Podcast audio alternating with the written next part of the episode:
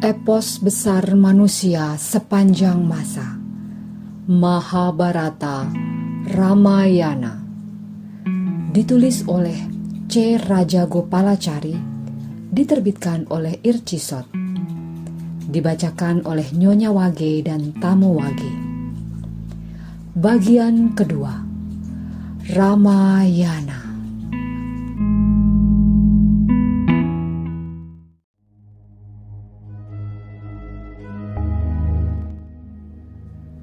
Bab 25 Rencana busuk yang sia-sia Sekarang Barata mengerti semuanya dan menyadari bencana yang diciptakan ibunya. Tak kuasa menahan kesedihan dan amarah, Barata lepas kendali. Memikirkan tindakan yang dilakukan ibunya dan nista yang ditimbulkan, hati Barata semakin remuk dalam badai kedukaan yang tidak tertahankan, Barata melontarkan kata-kata yang tajam kepada ibunya. Ibunda, apa yang kau lakukan? Serunya. Apakah ibu pikir aku akan mau menduduki singgasana kerajaan? Setelah kehilangan ayahanda yang penuh kasih dan kanda rama yang mulia, apakah ibu pikir aku masih peduli pada kekuasaan? Setelah menyebabkan kematian ayahanda dan mengusir Kandarama ke hutan, ibunda memintaku untuk menggantikan mereka dan menjadi penguasa. Itu sama saja dengan menuangkan minyak ke atas api kesedihan hatiku. Betapa tidak beruntungnya ayahanda mengambil ibunda sebagai permaisuri. Ibunda Kausalya dan Sumitra pasti akan mati nelangsa. Oh, Aku tidak bisa bayangkan ibunda sampai hati mengusir Kanda Rama yang sedemikian setia kepada ibunda ke hutan. Ibunda Kausalya yang mulia selalu memperlakukan ibunda layaknya saudari sendiri. Aku tidak bisa mengerti bagaimana ibu sampai hati merencanakan niat busuk atas putra terkasihnya. Apakah ibunda tahu betapa besar cintaku kepada Kanda Rama? Nafsu serakah telah membutakan ibunda. Aku tidak bisa mengerti bagaimana ibunda tega merancang rencana busuk ini demi kebahagiaanku.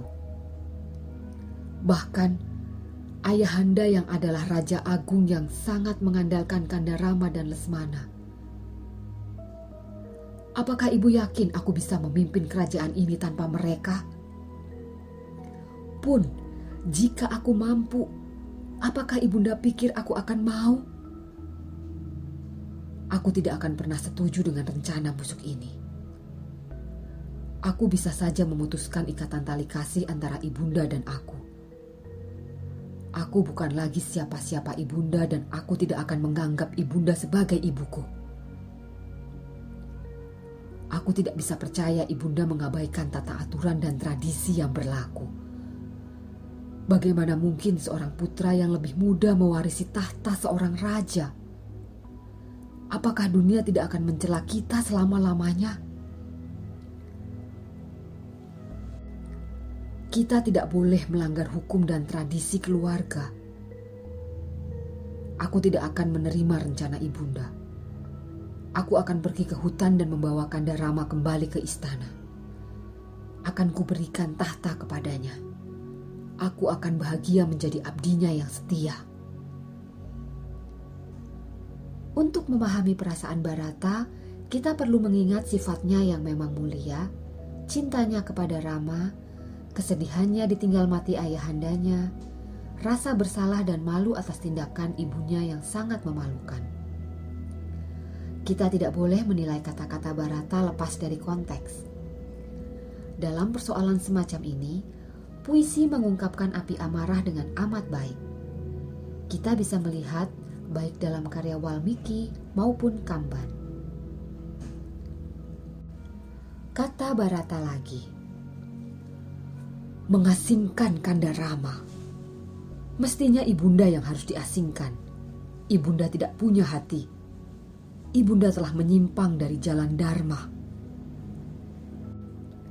Jika ibunda suka, anggap saja aku telah mati. Aku lebih suka mati daripada beribu seorang pembunuh. Ibunda telah membunuh suami sendiri. Ibunda bukan putri Raja Aswapati yang berbudi, tapi seorang raksasi. Orang yang telah mengusir satu-satunya putra Ibunda Kausalya pantas dibuang ke neraka. Hukuman lain apa yang pantas dijatuhkan atas orang yang telah menyebabkan kedukaan hati Ibunda Kausalya? Kamadenu, induk sapi yang mempunyai ribuan anak, tetap menangis ketika menyaksikan penderitaan dua sapi jantan yang sedang menarik bajak.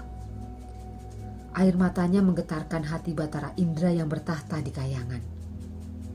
Dan kau, kau buang satu-satunya putra ibunda Kausalya ke hutan, supaya aku dan ibunda bisa mendapatkan kebahagiaan. Aku akan laksanakan upacara penguburan dan pergi ke hutan akan kujatuhkan diriku di kaki Kanda Rama dan membawanya kembali ke kerajaan ini. Kemudian, untuk membersihkan diri dari dosa dan rasa malu yang ibunda timpakan atasku, aku akan pergi ke hutan Dandaka dan menjalani hidup sebagai petapa. Ibunda telah jatuhkan malapetaka ke atas dunia. Mati raga macam apakah yang bisa menyucikan dosa ibunda? aku akan pergi menjemput Kandarama. Dan untuk menghilangkan rasa bersalahku, akan kuserahkan kembali kerajaan ini ke tangannya. Kata-kata tajam yang terlontar tidak meredakan amarah dan kesedihan hati Barata. Nafasnya memburu seperti gajah muda yang baru tertangkap. Air mata mengalir dari kedua pipinya. Ia muak kepada ibunya. Lalu dengan langkah lebar, ia berjalan bergegas menuju kediaman Dewi Kausalya. Ia ingin mencari tempat mengadu yang lebih memberi kesejukan. Demikianlah, mimpi indah Dewi Kaikeyi hancur berkeping-keping. Kaikeyi duduk lunglai di lantai dan menangis. Adakah yang lebih menyakitkan daripada kejahatan yang menemui kesia-siaan? Di antara para tokoh dalam Ramayana, Barata merupakan perwujudan keluhuran budi yang sempurna. Di desa-desa di India Utara, setiap tahun masyarakat merayakan pesta tahunan untuk episode pertemuan Rama dan Barata di Citra Kota. Mereka menganggap episode ini sebagai episode sakral epik Ramayana. Selama berabad-abad, Keluhuran budi para tokoh besar dan mulia terus bersinar terang di antara para pemuja kepuasan diri di dunia yang penuh dosa, seperti mercusuar yang menerangi jalan para pencari kebenaran dan tanpa kehadiran yang widi di dalam diri manusia. Kabar kedatangan Barata tidak butuh lama untuk menyebar ke seluruh penjuru istana. Kausalya yang masih berduka juga mendengar kabar itu. Hatinya gembira dan katanya kepada Sumitra, "Ayo kita pergi dan temui Barata." Mereka baru saja akan melangkah ketika melihat Barata berlari tergesa ke arah mereka untuk mengadu. Ketika mendengar kabar kedatangan Barata, pikiran pertama yang terlintas di benak Dewi Kausalya adalah bahwa putra Kaikeyi itu ingin segera menduduki tahta yang telah disiapkan ibunya. Bukankah para menteri dan tetua yang dipimpin oleh Resi Wasista memutuskan untuk memanggil Barata supaya bisa melaksanakan upacara pemakaman ayahnya dan menobatkannya menjadi raja? Karena itu, ketika melihat Barata, Kausalya yang hatinya masih sedih akibat ditinggal mati suami dan putranya pergi ke hutan, berkata lirih kepada Barata. Barata, tahta yang telah diperjuangkan ibumu telah menantimu. Jangan takut, kami tidak akan menghalangi. Ambillah, dan semoga kebahagiaan selalu bersamamu. Hanya satu yang kupinta darimu. Biarkan kami menyusul ayahmu dalam upacara pembakaran jenazah. Betapa remuk hati Barata mendengar kata Kausalya yang mengiba. Lidah Barata keluh tidak bisa berucap dan ia pun jatuh ke lantai, pingsan. Setelah beberapa saat, ia kembali sadar. Katanya, Ibunda, mengapa kau tega melukaiku yang tidak berdosa ini? Ibunda tahu aku baru saja datang dari tempat yang sangat jauh. Aku tidak tahu apa-apa tentang rencana keji yang terjadi di sini.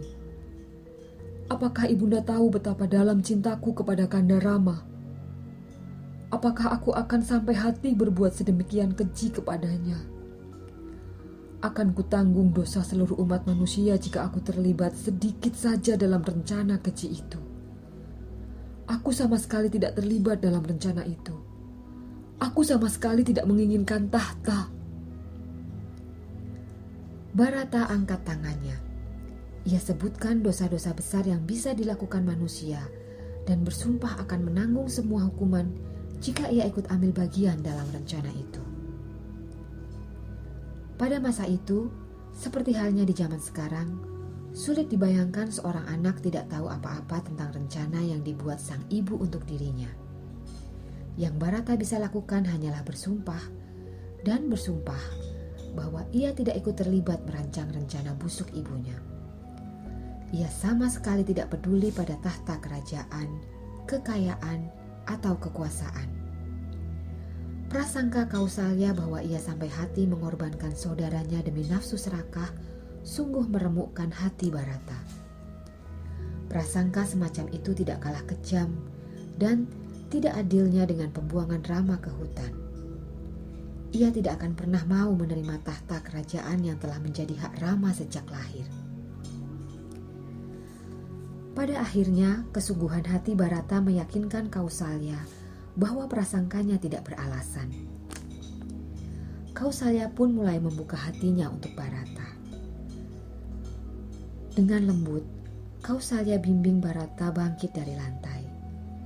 Ia sandarkan kepala Barata di atas pangkuannya. Dengan penuh kasih sayang, ia belai kepala putra Kaikeyi itu seperti layaknya putranya sendiri. Anakku terkasih, Hatiku semakin sedih menyaksikan putih hatimu. Apa yang harus kita lakukan, Nak? Kita tidaklah lebih dari alat permainan nasib. Semoga kau mendapatkan ganjaran atas kemurnian hatimu, baik di dunia ini maupun di akhirat. Semula, Kausalya tidak percaya Barata tidak tahu menau akal licik Kaikeyi dan takut jika Barata mau memaafkan dan tergoda untuk menerima tahta yang bukan haknya.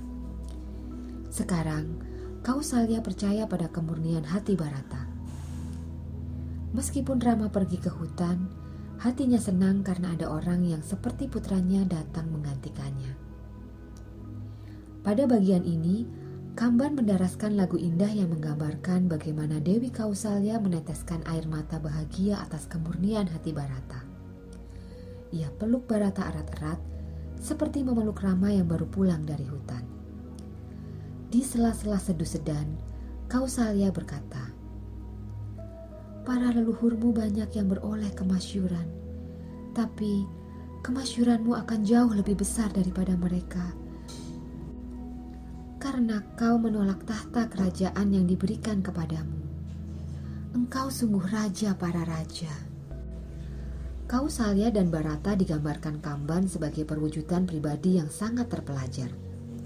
Semoga tokoh-tokoh heroik dan kepribadian semacam itu terus tumbuh dan berkembang di tanah Barata. Upacara pemakaman Raja Dasarata dilaksanakan sebagaimana mestinya. Kepada Barata dan Satruguna, Resi Wasista dan para cerdik pandai lain serta tetua memberikan hiburan dengan kitab-kitab sastra. 14 hari kemudian, para menteri kerajaan mengundang sidang kerajaan dan berkata demikian kepada Barata. Raja telah mangkat. Rama dan Lesmana ada di hutan. Saat ini, kerajaan ini tidak memiliki raja. Atas permintaan kami, semoga Paduka berkenan naik tahta. Semua persiapan untuk upacara penobatan telah siap rakyat dan para menteri menunggu kesediaan paduka. Kerajaan ini adalah milikku. kerajaan ini diberikan kepadamu secara sah oleh leluhur keluarga. Semoga Paduka berkenan naik tahta dan menjadi raja kami yang adil. Dengan tangan bersilang di depan dada, Barata berjalan mengelilingi semua piranti yang telah dipersiapkan untuk upacara penobatan. Katanya dengan suara berat kepada tetua yang ada dalam sidang itu. Menurutku, tidak semestinya kalian semua memintaku untuk naik tahta. Menurut tradisi istana kita, anak tertualah yang berhak naik tahta. Dengan segala hormat kepada kalian semua, Aku putuskan untuk pergi ke hutan dan menjemput Kanda Rama kembali ke Ayodhya bersama dengan Kanda Lesmana dan Dewi Sinta. Persiapkan orang-orang dan kebutuhan untuk menjemput mereka. Persiapkan jalan untuk penjemputan mereka. Kerahkan para pekerja untuk membangunnya. Keputusanku untuk tidak menerima tahta sudah bulat dan tidak bisa ditawar lagi. Mendengar kata-kata Barata, para peserta sidang sangat gembira. Mereka memberikan tepuk tangan yang meriah pada keputusan Barata. Pasukan dan satu rombongan besar dipersiapkan untuk menemani sang pangeran berangkat ke hutan. Para pekerja yang akan mempersiapkan jalan segera melakukan gerak cepat. Orang-orang yang paham seluk-beluk hutan, para perintis yang mahir menggali mata air dan kanal, para pembuat rakit dan perahu, tukang kayu dan ahli bangunan bekerja penuh semangat. Semua merasa ikut terlibat dalam upaya membawa kembali Rama pulang kembali ke Ayodhya. Mereka bangun urung-urung, tebang pohon. Tidak lama kemudian, jalan yang lapang bagi para pangeran sudah siap. Tanah yang naik turun diratakan, rawa-rawa dikeringkan. Mereka juga bangun mereka juga bangun tempat-tempat beristirahat bagi pasukan dan rombongan yang akan mengiringi para pangeran. Mereka juga mempersiapkan sumur dan kebutuhan-kebutuhan lain yang perlu. Meskipun segala persiapan untuk menjemput Rama sedang dan terus dilaksanakan, Resi Wasista dan para menteri secara resmi mengundang sidang kerajaan lagi. Mereka masih terus mendesak supaya Barata berkenan dinobatkan sebagai raja mereka kirimkan utusan ke istana Barata dan mengundangnya ke sidang kerajaan. Mereka mendekati Barata dengan berbagai macam tetabuhan gamelan. Tetapi semua itu justru membuat hati Barata sakit. Ia hentikan tabuhan dan meminta para utusan kembali. Katanya kepada Satru Guna, Mengapa mereka masih terus mendesakku untuk naik tahta? Bukankah mereka tahu aku sudah putuskan untuk tidak akan naik tahta? Inilah hasil akal bulus ibu kita. Ayahanda mangkat dan meninggalkan aku memanggul semua aib ini sendirian. Kerajaan ini butuh raja. Tanpa raja, kerajaan ini akan mengapung seperti kapal tanpa kemudi dan telantar. Kita harus segera membawa Kandarama kembali. Sidang kerajaan sangat menantikan kehadiran pangeran yang berhati putih seperti kapas itu. Ia masuk ke ruang pertemuan layaknya bulan purnama menyibak awan gemawan. Ia haturkan salam hormat kepada para tetua dan duduk. Kata Resi Wasista, Ayah dan kakakmu Rama telah mewariskan tahta kerajaan kepadamu. Terimalah dan lindungi kami seturut dengan tradisi bangsa kita. Namun, hati Barata telah tertambat jauh pada Rama di sana. Air mata mengalir dari matanya. Di tengah sidang istana, ia menangis ketir. Dengan suara bergetar menahan tangis, ia haturkan sembah hormat kepada para tetua yang hadir. Apakah pantas seorang satria merampas hak milik orang lain yang jauh lebih mulia dan lebih pantas daripada dirinya sendiri? Apakah pantas putra Dasarata memimpikan hak yang bukan haknya? Tahta kerajaan ini, aku dan yang lain, semuanya adalah milik Kandarama. Dialah putra sulung, putra Dasarata yang paling mulia, penegak Dharma. Ia sebanding dengan Dilepa. Kearifannya tidak kalah dengan Nasusa sebelum menjadi raja Dialah pewaris tahta yang sah. Ia amat layak menjadi penguasa ketiga dunia. Sembah hormatku kuhaturkan kepada Kanda Rama yang sekarang berada di hutan. Aku bukan raja, tapi dialah yang pantas menjadi raja. Orang-orang yang menghadiri sidang menangis bahagia ketika mendengar kata-kata Barata. Jika tidak bisa membujuk Raja Rama untuk kembali ke Ayodhya, aku akan tinggal di hutan untuk membersihkan diri dari dosa. Dan menjadi tugas kalian, wahai para tetua, untuk membujuknya kembali ke Ayodhya. Akan kulakukan semua yang kubisa untuk membawa kembali dan menjadikannya raja di Ayodhya. Kemudian ia perintahkan Sumantra yang saat itu berdiri di dekatnya untuk segera mempercepat persiapan keberangkatan ke hutan Dandaka. Harapan pada kembalinya Rama merekahkan kebahagiaan warga kota. Semua orang yakin cinta Barata yang setia dan tulus akan membawa Rama kembali kepada mereka.